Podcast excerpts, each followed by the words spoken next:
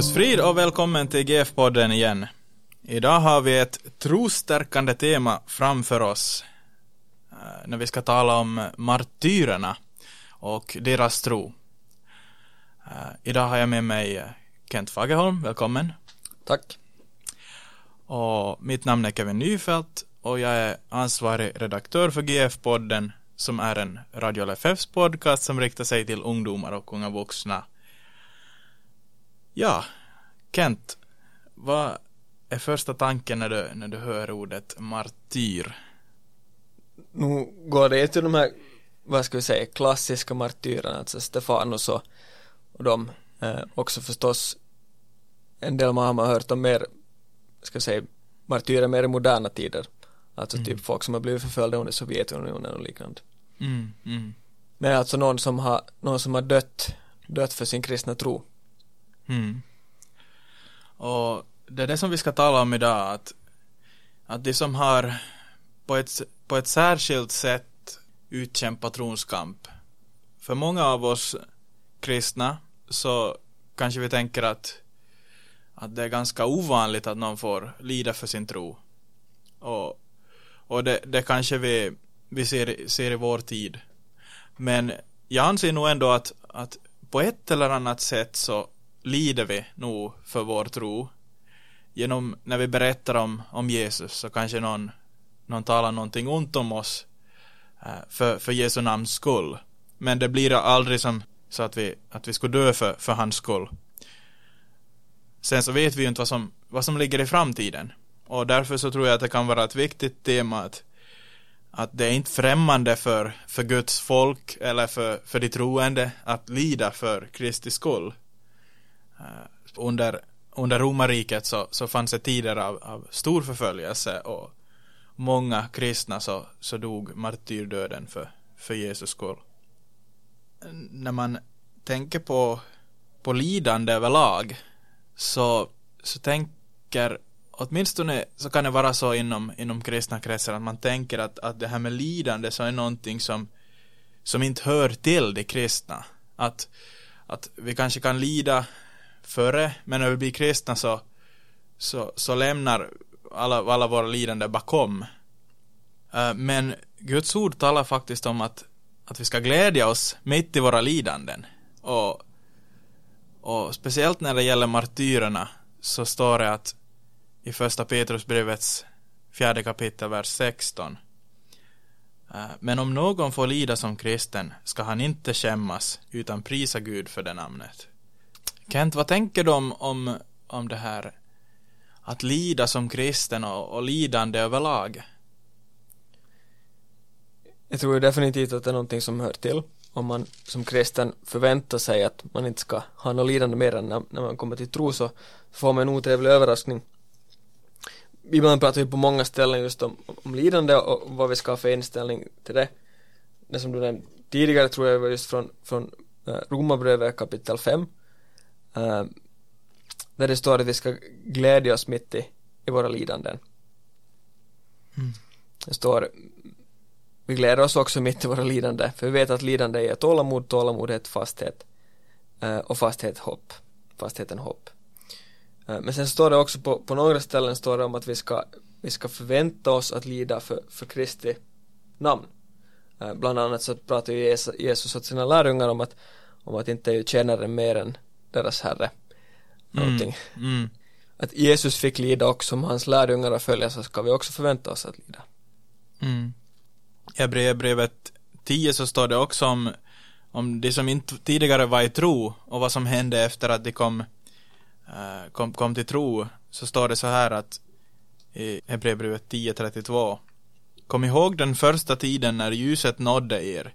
Ni fick utstå hård kamp och mycket lidande. Dels blev ni hånade och plågade och gjorda till offentligt åtlöje. Dels stod ni sida vid sida med andra som behandlades så. Ni led med fångarna och accepterade med glädje att bli fråntagna era ägodelar eftersom ni visste att ni ägde något som är bättre och bestående. Det är egentligen just det här som kännetecknar martyrerna också. Det berättas om, om en martyr som som hette Agata. hon var 14 till 15 år gammal. Och, och det berättas att när, när hon gick mot döden så föreställde hon sig att hon var på väg till en bröllopsfest.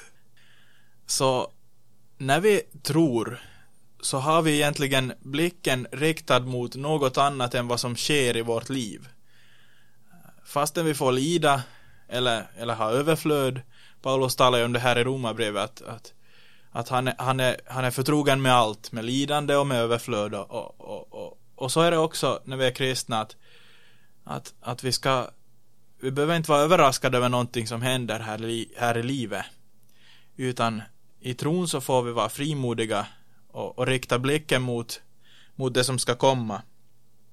Som, som det stod i, i vers 34 här i Hebreerbrevets tionde kapitel. Ni led med fångarna och accepterade med glädje att bli fråntagna era ägodelar eftersom ni visste att ni ägde något som är bättre och bestående. Så när martyrerna i martyrhistorien lider så så hade jag alltid blicken riktad på det här kommande livet, det eviga livet och på, på Jesus och, och att vi får också dela hans lidande. Exakt. Det som jag tycker är intressant här att nu, nu går vi in ganska mycket på, på lidande för att lidande och, och martyrer är, är förstås ihopkopplat för att de led det ultimata liksom och, och blev döda för deras tro. Ser du på Kevin som, som att martyrer är liksom bara det är bara en fråga om, om grad.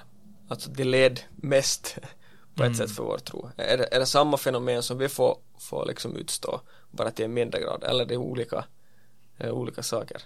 Mm. Intressant fråga. Jag har inte, jag har inte som reflekterat över, över att, att lidande och, och vilken grad av lidande som, som vi ska klassa som, som hög eller låg. För när vi går igenom olika saker i våra liv så så kan olika saker kännas äh, väldigt som stora fastän fastän vi logiskt sett skulle nog kunna tänka att det här martyrernas var, var betydligt värre och, och sådär men, men att jag tror ju nog att vi får vi får se, se martyrerna som, som att, att när det gick igenom det här svåra eh, det här som vi inte kan föreställa oss att kunna gå igenom så, så kan också vi gå igenom eh, det som, som vi går igenom nu just. Eh, och, och det hjälper oss på, på ett sätt att, att rikta blicken på, på Kristus. Att, att lida för Kristi skull. Och, och även, även stort eller litet lidande så, så är det egentligen ingen skillnad utan, utan allt så gör vi som är står med glädje för Jesus skull. Sen när det gäller från, från vår mänskliga sida eh, och lidande så, så kan vi inte förstå det här med lidande. Det går inte att förstå hur lidande skulle kunna vara någonting positivt. För att man ser bara på det här, på det här livet och, och, och har inte ögonen på det som ligger framför då man tänker som mänskligt sett. Och, och det här är ju också det som Petrus äh, säger åt Jesus. När Jesus talar om att han ska ska lida mycket genom de äldste och översteprästerna och de skriftlärda och att han måste bli dödad och på den tredje dagen uppväckt. Så då tar Petrus honom åt sidan och, och säger att Gud bevare dig, Herre. Det där ska aldrig hända dig. Men vi vet ju vad Jesus svarar här. Men Jesus vände sig om och sade till Petrus Gå bort från mig, Satan. Du vill få mig på fall för dina tankar är inte Guds utan människors. Så när, män, när människors tankar får bestämma så skulle vi inte ha något lidande. Eller vi skulle inte, lidande skulle, skulle kategoriseras som någonting väldigt dåligt för oss. En hjälpsam bild när det gäller olika slags lidande. Nu talar vi förstås om martyrerna som, som led liksom i andra människors händer. Men när vi går igenom saker som vi inte kan förklara, oförklarligt lidande, så, så tror jag att det kan hjälpa oss att, att tänka oss så här det var en pastor som, som förklarade så här, och jag tycker det är en bra bild. Att när vi är i lidandets rum eh, och liksom lider och, och, och, så har vi, har, vi, har vi en dörr som vi ofta vill försöka öppna. Eh, och det är den här varför-dörren. Att varför, varför händer det här mig? Och man skulle vilja ha ett logiskt svar på den frågan. Och man knackar och man liksom försöker rycka i dörren och man försöker liksom eh, men ingen svarar och det verkar som att ingen är hemma eh, bakom den dörren. Sen så har vi också en annan dörr som vi inte tänker på så ofta. Och det är den här Who-dörren. Vem? Och när vi är i vårt lidande och läser vår bibel om hur, hur Kristus kom hit till jorden för att lida för din och min skull så inser vi att, att den här vem-dörren att det är inte vi som öppnar den utan Jesus öppnar den och kommer in i vårt lidande. Mitt i vårt lidande så är han där med oss och lider med oss och ber för oss att vi ska stå fast i vår tro. Så det tycker jag är en helt, helt underbar bild när det gäller, gäller lidande. För när vi läser Bibeln så ser vi att, att Bibeln ger inte oss logiska förklaringar ofta till, till sådana där oförklarliga lidanden som vi får gå igenom. Utan utan det ger oss det här att Kristus led också. Kristus led också för oss. Och då blir det ju lättare att lida när man ser att man har en, en medkompanjon som går där bredvid och har lidit. Och vi behöver aldrig vara rädda att det här lidandet skulle, skulle liksom ta så över handen så att, att vi inte skulle klara oss. För, för Gud har lovat att vara med oss i allting. Så därför så behöver vi inte misströsta. Även om vi skulle vara i, djupa synder också. Så Kristus led för dig. Och det här tror jag att är någonting som vi allihopa kan ta med oss. Eh, fast vi är i dödsskuggans dal just nu. Så kan vi hitta tröst i det här budskapet.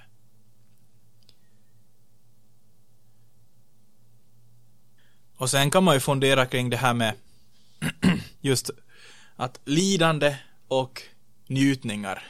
Att, att eh, det är ju egentligen, kan vi säga att den onde använder både och. Han, han använder äh, smärta till sin fördel och han använder också lidande till sin fördel. Men på samma sätt så kan vi också se att, att Gud använder också båda han använder njutning och lidande för att välsigna oss i våra liv. Så det här är ju, är ju väldigt intressant. Och martyrerna är egentligen det som är, kan vi säga, det som är bra på att få svängd det som ser dåligt ut till någonting positivt. Att, att det går igenom lidande, då ser det framåt. Jag, jag är på väg på bröllopsfest.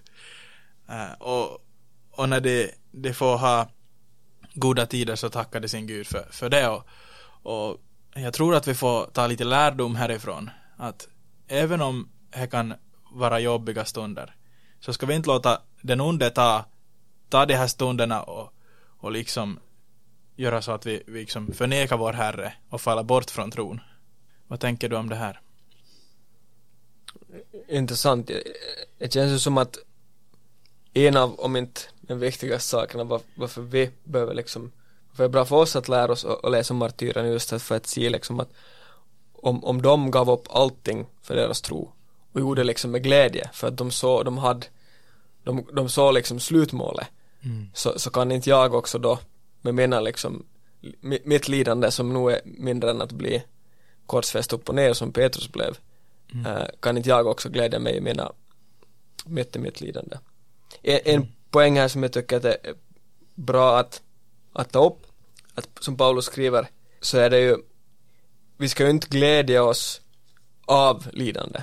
Alltså lidande är ju, är ju inte en bra sak fast det kan användas för gott. Utan mm. det är att medan vi lider, inte på grund av att vi, alltså inte på grund av smärtan i sig mm. själv. uh, det är okej okay att vara liksom att vara ledsen att liksom mm. att det är okej okay att det tar sjukt det är okej okay att liksom att det finns smärta men ändå mitt i lidande så, så kan vi glädja oss för att vi vi, vi, vi ser slutmålet mm. det där var en bra poäng det där med att det får, får ta sjukt och eh, när vi öppnar vår bibel och läser saltaren så ser vi ju hur psalmförfattarna där som, som kan säga att, att varför har du övergivit mig Gud? Att, att jag går igenom allt det här lidandet. Eh, de hånar mig och, och, och, och, och de gudlösa som, som på alla sätt försöker få, få en på fall. Så att jag tror att vi måste ta tillbaka lite också av det här att att vi får som kristna när vi går igenom lidande så får vi klaga till Gud. Att min Gud, min Gud, varför har du övergivit mig? Att det kan, kan på riktigt kännas som att Gud har övergett oss. Och, och med Salta psalm 22 så får vi be just den här Salta psalmen att, att min Gud, min Gud, varför har du övergivit mig? För, som en del av, av den här lidande processen att att vi ska inte stanna där då och, och tänka att, att liksom att, att Gud liksom för evigt har lämnat oss. Utan vi ska gå, gå, gå vidare till att, att, att du har hjälpt våra fäder. Du har hjälpt genom historien frälsningen så finns också för mig. Jag, jag, jag kan också kommer också att se, se liksom uppståndelsens dag om vi använder den terminologin att, att även om det kan vara att vi kan känna som att vi är i dödsskuggans dal och det finns inte någon utväg så, så kommer det en dag när Gud kommer att torka alla våra tårar och kommer ta bort allt allt vårt lidande, smärta och ge oss en evig glädje. Så vi får klaga till Gud. Vi får liksom ropa ut vår ångest och, och, och liksom be till Gud och många gånger så, så känns det som de här salta salmerna så det är på något sätt så extrema så att man har svårt att ta, ta de orden i sin mun.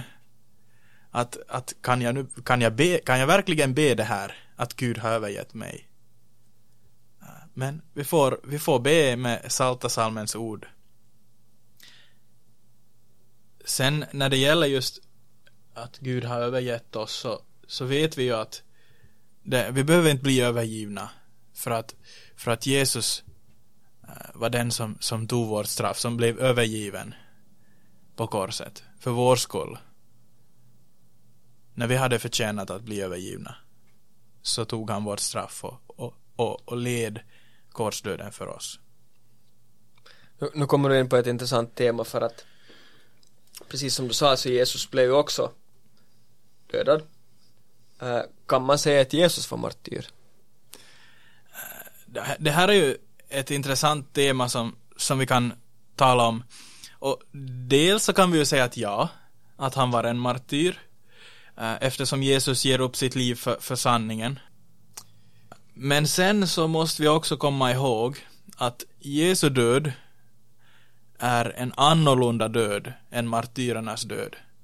För när vi tittar, när vi som läser martyrberättelser som många gånger kan vara väldigt mirakulösa och, och, och på medeltiden så, så blir det ju nästan det blir ju nästan som halvgudar de här martyrerna så, så vi ska komma ihåg att, att Jesu död var en annorlunda död än martyrernas död för martyrerna eh, hjälper oss på det sättet att de riktar våra blickar på Kristus de delar Kristi lidanden det går i hans fotspår när det gäller lidande. Men det dog aldrig en försonande död för vår skull. Så när vi ser på Jesu död så, så förstår vi att att jag behöver inte bli övergiven. Det som vi talar om. Jag har mina synder förlåtna. Och det hittar vi ju inte hos martyrernas död.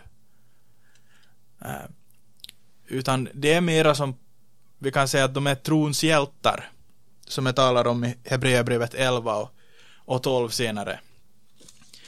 Där jag räknar upp många, många som troshjältar. och, och sen också hur, hur, hur många fick, fick som utstå hån och piskrapp och bojor och fängelse. Blev stenade och söndersågade och döden med svärd och så vidare. Det här var martyrerna.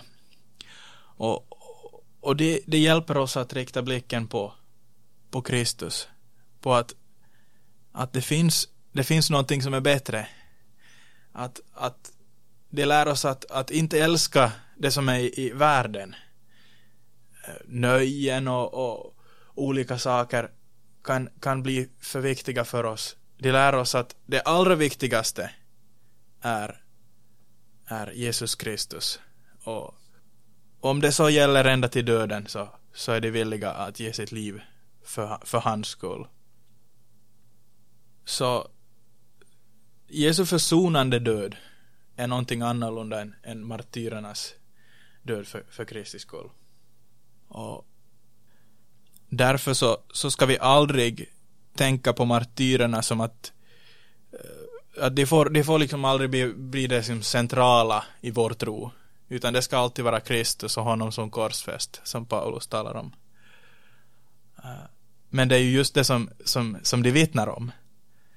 Eh, de talar just om, om att hur, hur ska vi kunna överge honom, Kristus. Det talas om Polycarpos, en väldigt tidig, tidig kristen martyr som Eh, han uppmanades då svära vid Caesars rikedom och eh, han svarade då så här, nu har jag översatt det här från engelska så, så det kan vara lite stöltigt men jag hoppas att det ändå är till hjälp. Hör mig svara med frimodighet. Jag är en kristen. Hör mig svara med frimodighet. Jag är en kristen. Att han, han vill inte svära vid, vid någonting annat. Eh, han vill inte liksom att någon ska rikta blicken bort från, från Jesus. Eh, och, och så se, när, när han hotas med att bli uppäten av vilda djur och bli uppbränd i eld så svarar han Du hotar mig med eld som brinner en timme och släcks efter en tid men bortse från den kommande domen och den eviga bestraffningen som är sparad åt de gudlösa. Så även när Polycarpos Eh, ska vi säga, inför dom, sådär mänskligt sett, så, så riktar han tillbaka fokusen mot de som dömer honom, att de, de vet inte vad de håller på med. Han är liksom, han, han ser, ser, ser en annan verklighet än vad de ser. Och så säger han på ett annat ställe när, när, de, när de säger till honom Svär och jag ska sätta dig fri. Smeda Kristus. Och han svarar 86 år har jag tjänat honom och han gjorde aldrig mig någon skada. Hur kan jag då heda min kung och frälsare? Alltid blicken riktad på, på Kristus. Och, och att till och med anse det som, som en stor vinst att få lida för hans skull. Eh, Paulus säger i Filipperbrevet att för mig är livet Kristus och döden en vinst. Kevin, Ja. vem är din favoritmartyr? Oj. uh, intressant. Uh, vi har inte talat om honom så mycket på det här avsnittet. Har vi ens nämnt honom? Uh, Stefanos. Uh, och, och det som han säger så tycker jag är, är helt underbart. Och det är det här som, som får känneteckna också oss kristna. Att även om vi får gå igenom lidande, någon hånar oss, talar illa om oss, så behöver vi inte besvara ont med ont. Utan vi får, vi får besvara det med Kristi kärlek. Precis som Jesus också sa när han, när han eh, var på korset att Fader förlåt dem. Så jag skulle nog säga att det är min favoritmartyr för att, för att han, han så klart och tydligt refererar oss till Jesus och visar på Jesus. Jag tror att vi ska gå till Hebreerbrevets tolfte kapitel. Eh, det står, står om Jesus. Och låt oss ha blicken fäst på Jesus, trons upphovsman och fullkomnare, för att nå den glädje som låg framför honom uthärdade han korset utan att bry sig om skammen och sitter nu på högra sidan om Guds tron. Tänk på honom som fick utstå sådan fiendskap från syndare så att ni inte tröttnar och tappar modet. Än har ni inte gjort motstånd ända till blods i er kamp mot synden. Så det kan vara viktigt att vi, att vi påminns om att, att ha blicken fäst på Kristus och att kämpa trons goda kamp.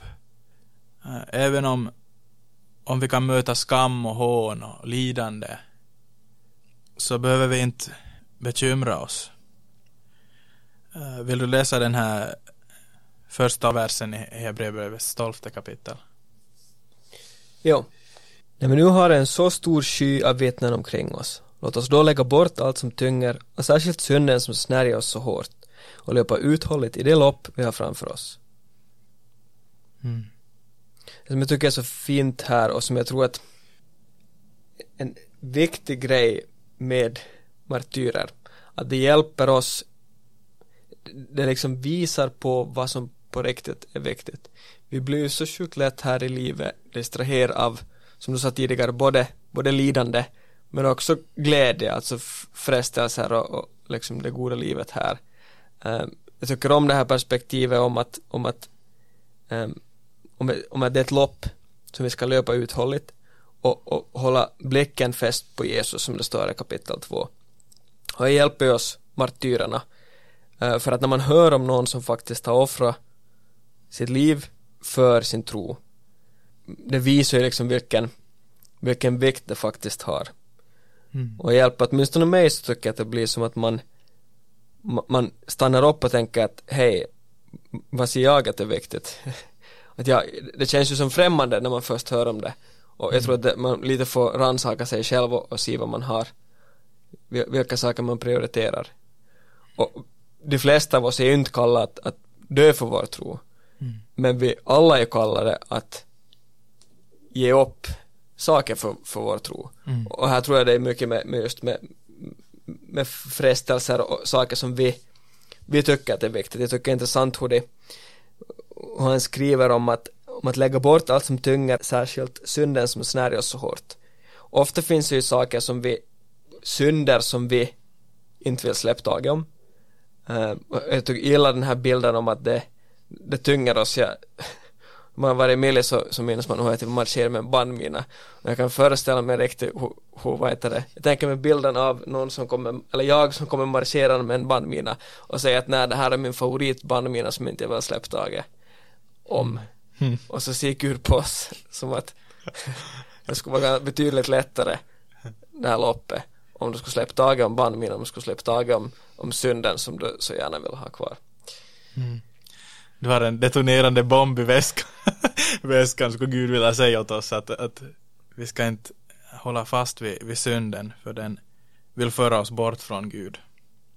Som du sa att alla inte kallade att, att, att liksom till, till blods som det stod att i, i fjärde versen här att än har ni inte gjort motstånd ända till blods i er kamp mot synden.